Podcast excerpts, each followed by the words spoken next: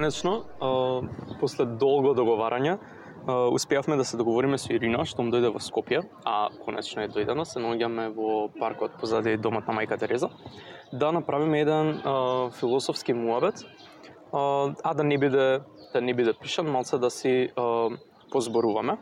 И барајќи од темата а, на која што сакавме да зборуваме, се мислевме околу некој конкретен философски предмет или а, или конкретен философски проблем или а, одреден правец, но а, се решивме да направиме а, една еден општ муабет што е философија и зошто а, зошто философија. Па така во наредните неколку минути ќе позборуваме за одредени а, прашања кои се поврзани општо со определбата на на философијата како како таква. Ама за почеток ќе се представиме. Ќе почне и Ирина. Која е Ирина? Што е Ирина? Кај студира? Што прави? Обшти информации за тебе. Здраво, Андреј. Јас сум Ирина Илиева. А, со Андреј се знам бидејќи учевме заедно во Корчагин, но сега студирам во Словенија на филозофскиот факултет во Марибор. Таму студирам философија и германски јазик и книжевност. Имам 19 години и омилен предмет ми филозофија ми бил и мислам дека за секогаш ќе ми биде. А, да, тоа е тоа за мене.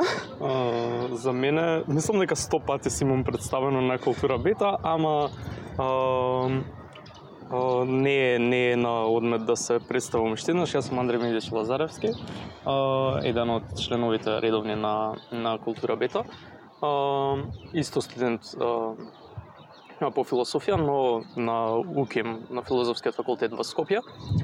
И како што каже Ирина, филозофијата, тоест философијата, ќе ќе позборувам малци за тоа после зошто е СОС, не СОЗ.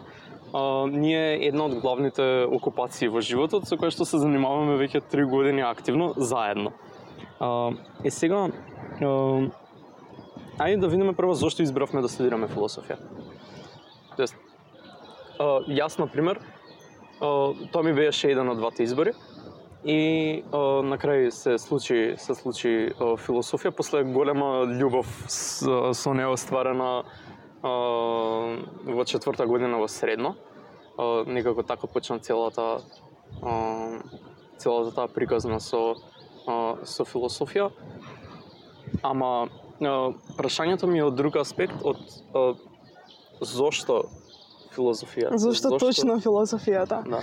Епа, најпрво јас бев премногу заинтересирана за социологија и тоа ми беше така едно од најубавите предмети, најумилените предмети што ги имавме заедно во а, средно. А, но потоа во четврта година имавме два предмети философија И едноставно кога почнавме со самото тоа кога почнавме античка философија и кога учевме за разли, различните проблеми односно за онтологија најпрво, а, едноставно се заљубив во философијата и ми стана така некако како нај убавото на милионото како она откровение да имам. да. А, па да, и мене и мене слично, а, особено кога почнавме античка, тоа ни е како на двајцата омилен дел од историјата на философијата, иако имаме и други други ствари кои ни интересираат.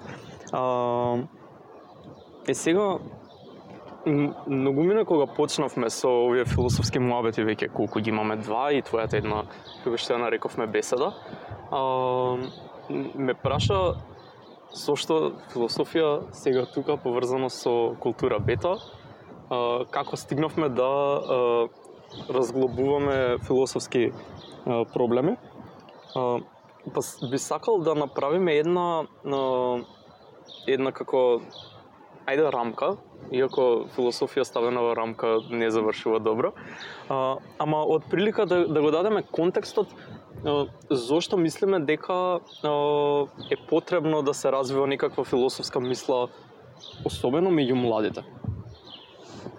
да. Философијата уште од самиот почеток ги не од самиот почеток, едноставно философијата е во секоја наука.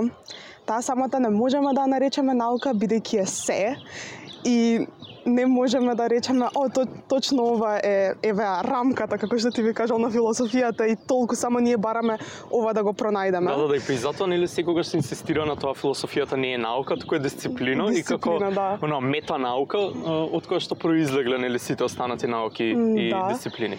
И мислам дека е многу потребна да се има уште од најмала возраст, заради тоа што еден од најголемите едно од најголемите прашања, дисциплини е етиката, mm -hmm. која што е наука за моралот и таа е многу битна за едно за еден човек, бидејќи преку тоа дознаваме што е добро, што е лошо, што е морално, неморално. И тоа, и тоа мислам дека дисциплината нели со која што најпрво ако зборуваме веќе за философија за деца, тоест философија кај деца, а, тоа е мислам една од првичните дисциплини која треба да се зачне кај кај, да. кај некој мало дете, да речеме, не човек.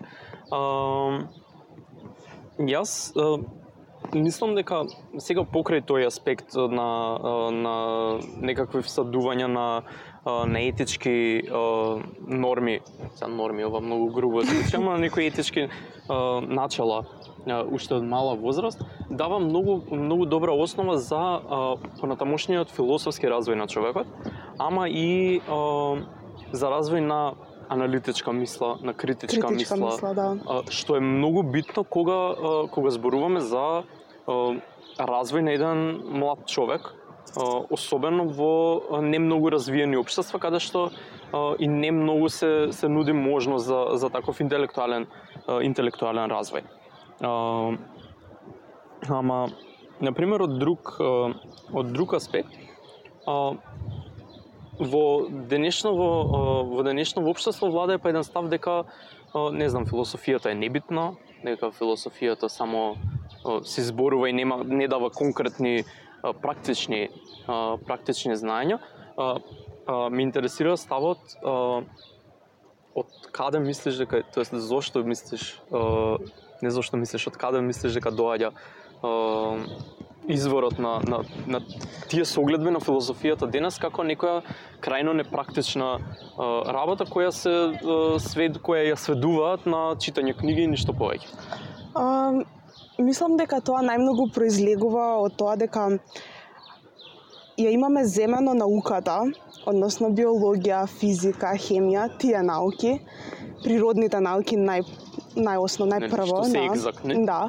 Ги имаме земено како нешто кое што се како законот, како нешто што е така и мора да биде така и сметаме дека тие не се дел од философијата и сметаме дека тие си имаат нивни прашања и дека философијата не е дел од тоа. А треба да знаеме дека уствари сите тие науки произлегуваат од самата философија бидејќи таа е како мајка на сите науки. Тука тука ќе се надоврзам на пример кога почнав Аристотел да го читам. и тоа е тој опфаќа сега не е целосно некој природен научник, ама многу голем дел од неговите дела опфаќаат опфаќаат реални проблеми од од природата. Тој да. се служи со со големи предмети од од природата, така што не дека е целосно целосно оддалечен. Па и не само тоа, нели, имаме каде што имаме периоди од философијата каде што се каде што се обрнува големо внимание врз човекот, како на пример во биологијата или големо внимание на вселената, како на пример физиката. Заради тоа сметам дека не е туку така само читање книги и на бесцелно размислување без никаков крај или без никаква никаков производ од тоа што го размислуваме. Може на многу можеме многу лесно и едноставно, пример преку логиката, да решиме многу од проблемите кои што ги имаме, бидејќи критично размислување, аргументирање, сето тоа се е дел од логиката и философијата. Да, да, да. Па тука, на, например, тоа ми беше сега кога спомна преку логиката може да се решат многу проблеми. А, ми текна сега пред некое време а, по историја на логика кога го работев на Лајбниц.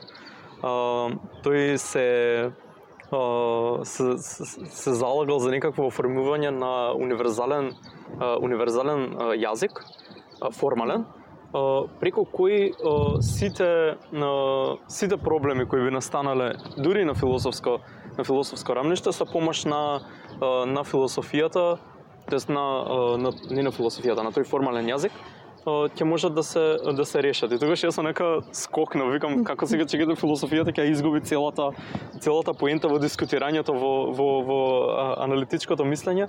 Ако имаме некој таков формален јазик, што имаме проблем и по логички пат ќе ги ќе ги решиме. Но од друга страна за многу нерешливи наведум нерешливи проблеми во наводници, а, такво нешто би а, би послужило. Но добро. А, само да додадам нешто кога веќе го спомна тој Лајбницов јазик во филозофијата. А, бев на едно предавање од една философка, философ од Германија, која што на некој начин проба да ни објасни дека тој а, јазик веќе некако го имаме како постои. Mm -hmm. а, не да речеме философски јазик, но е на некој начин јазик преку кој што ќе може сите луѓе да се разбираат и тие, тоа е знаковниот јазик. И, исто така знаците кои што ги гледаме на улица, кои што бидејќи секаде од прилика се исти тие знаци, на некој начин тоа е како еден универзален јазик. Знаците исто така емоджи, Да, да, да. Тие исто така реално, така се реално многу не е навлезано да. во во во во секојдневното функционирање. Да, и тоа е еден начин на интерпретација на тој Лајбницов јазик. Да, има, има, има реално многу простор за размислување а, на оваа тема. А, што сакам да да продискутираме уште една уште една работа која на нас двајца ни е многу битна и тоа мислам дека секогаш на сите како да им го вадиме низ нос кога почнуваат да зборуваат за философија, а тоа е философија со с. Зошто философија, не филозофија? А, заради тоа што доколку го поделиме зборот фило и софија, а, ќе добиеме а, љубов кон мудроста. Ама, љубов кон мудроста е доколку го кажеме философија со С. Да. Доколку го кажеме филозофија со З, тогаш тоа го менува значењето од латински и станува Старогрчки. од старогрчки и станува фи, филозофија станува љубење на смртта, темнината. на темнината. Да. да. А, тоа ми беше многу а, многу интересно пред некој ден на Facebook. А, налетав на некој извадок од а, тест на некоја како како цитат од Марко Цепенков. А, каде што а, каде што го потенцираше баш баш ово и ми беше многу интересно што а, што се среќава дури во онаа наша а, не знам историја на книжевност да на, да речеме. Ама има и уште еден има и уште еден нели аспект на ова. А, тоа како доаѓа уствари филозофија со з? Кај нас, нели официјално институтот и факултетот не се викаат филозофски институт за филозофија и предметот во средно не се вика филозофија а, со з. А, тоа е она а, историја на на почнувањето на на филозофијата кај нас нели под влијание на хрватската катедра која има влијание од германската е, германската е, катедра. И како што знаеме кај нив е, на германски нели се пишува е, философи Uh, ама uh, они го uh, го читаат сото з. За да. И така хрватите го имаат го имаат преземено од uh, од германците, а ние од uh, од хрватите. Сега ова го кажувам со некаква со некаква резервна повеќе резерва повеќе како uh, како uh, анекдот. Uh, мене нешто што многу ми е uh, многу интересно во uh, целиот uh, целиот ова целата приказна а, на филозофијата, а, се вечните философски прашања и тие се нешто што најмногу ме а, најмногу ме интересираат и мислам дека тука би се сложила, бидејќи Да. многу често си ги многу често си ги дискутираме и а, многу често ги поврзуваме со оние а, антиномии на Кант. А, и сега нема да ги нема да ги разглобуваме, бидејќи така ќе западнеме во а, во многу многу многу долг муабет доколку почнеме со елаборација на сите нив. А, но би ги начнале. А, тука би станало а, прашање за постоењето или непостоењето на Бог. А, тука би а, би се начнало и прашањето за безсмртноста, кое веќе го го дискутиравме, за судбината а, за Рапочелото. да, а, за атомизмот, Да. а, нели дали а, материјата е, е делива до атомот или е делива во, во бесконечноста. А, и овие се сите прашања кои, а, кои потекнуваат од а, уште од оние а, философи рани пред Сократовци кои ги а, кои ги велиме. А, кое ти е омилено вечно философско прашање извошто? Кое ми е омилено? Да. А, најверојатно за прапочелото, бидејќи многу е интересно тоа да знаеш од каде почнува се, зошто почнува се, зошто баш ние, зошто ние се а, сме биле тие кои што го поставуваме прашањето, можеме да го поставиме прашањето од каде, дали е физичко, хемиско, биолошко, дали е едноставно Бог, дали е и мислам А, дека заради тоа ми е едно од омилените. Мене, бидејќи тука на, на иста линија сме, а, тоа уште кога почнавме на почетокот со а, со предсократовците кои го бараат нели она а, архе, оној прапочеток, а, начело, нели подлежечкото, примордиалниот извор, како сакаме можеме да го а, да го наречеме. Ми беше интересно бидејќи тоа беше прв, прв, првото прашање со кое што се сретнав а, почнувајќи а, со философија. А, ама ми беше интересно бидејќи одговорите се барале во многу а, секојдневни Да. секојдневни нешта кои наликуваат на некое на некоја општост во во светот. Како на пример нели го имаме она водата кај Талес. Го имаме а, воздухот кај а, кај а, Анаксимен. А, го имаме оганот кај а, кај кај Хераклит. И многу многу ми се интересни а, нивните а, на начини на кои ги објаснуваат зошто баш еден од тие четири елементи или еден од тие а, а, елементи кои се наоѓаат во природата која не обкружува, ги земале точно а, како а, како некаков прапочеток. А, можеме понатаму во некој од, од философските а, муабети кои ќе ги ќе ги правиме понатаму на култура бета, можеме да начнеме и да продискутираме за некои од овие прашања. А, Исто многу ми е интересно и со судбината, на пример, или со детерминизмот. Да. А, ако Дали е се како- предодредено или не. И тука тука има онака про и контра ставови а, кои сакаме, бидејќи дури некогаш и кога ќе кога ќе заземе човек одредена позиција дека не е се предодредено, на крај доаѓа до некаков тотално спротивен заклучок и секогаш се а, се интересни а, тие дискусии за овие вечни философски прашања, но не навлегуваме повеќе бидејќи снемуваме а, снемуваме време.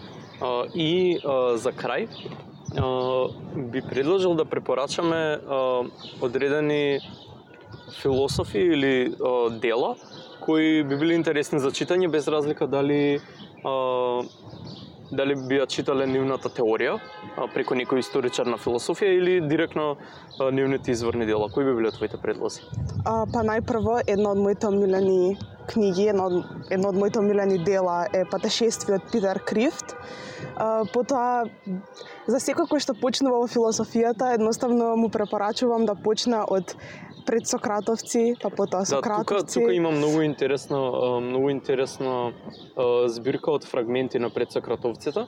А, и кај нас од наш автор Витомир Митевски, он ги има убаво средано а, тие фрагменти на, на, на предсократовците, ама исто и, и, и од Херман Дилс, Uh, и тој има исто убава убава збирка од uh, од фрагментите. Мои предлози uh, би предложил Мене Гозба од Платон, на пример. Расправата за љубовта ми е многу а, многу а, интересна.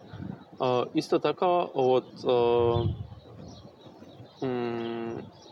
Френсис Бекон нов органон, он прави многу многу интересна а, но некое ново поставување на а, и на науките и општо а, многу му е интересна теоријата во во новиот органон.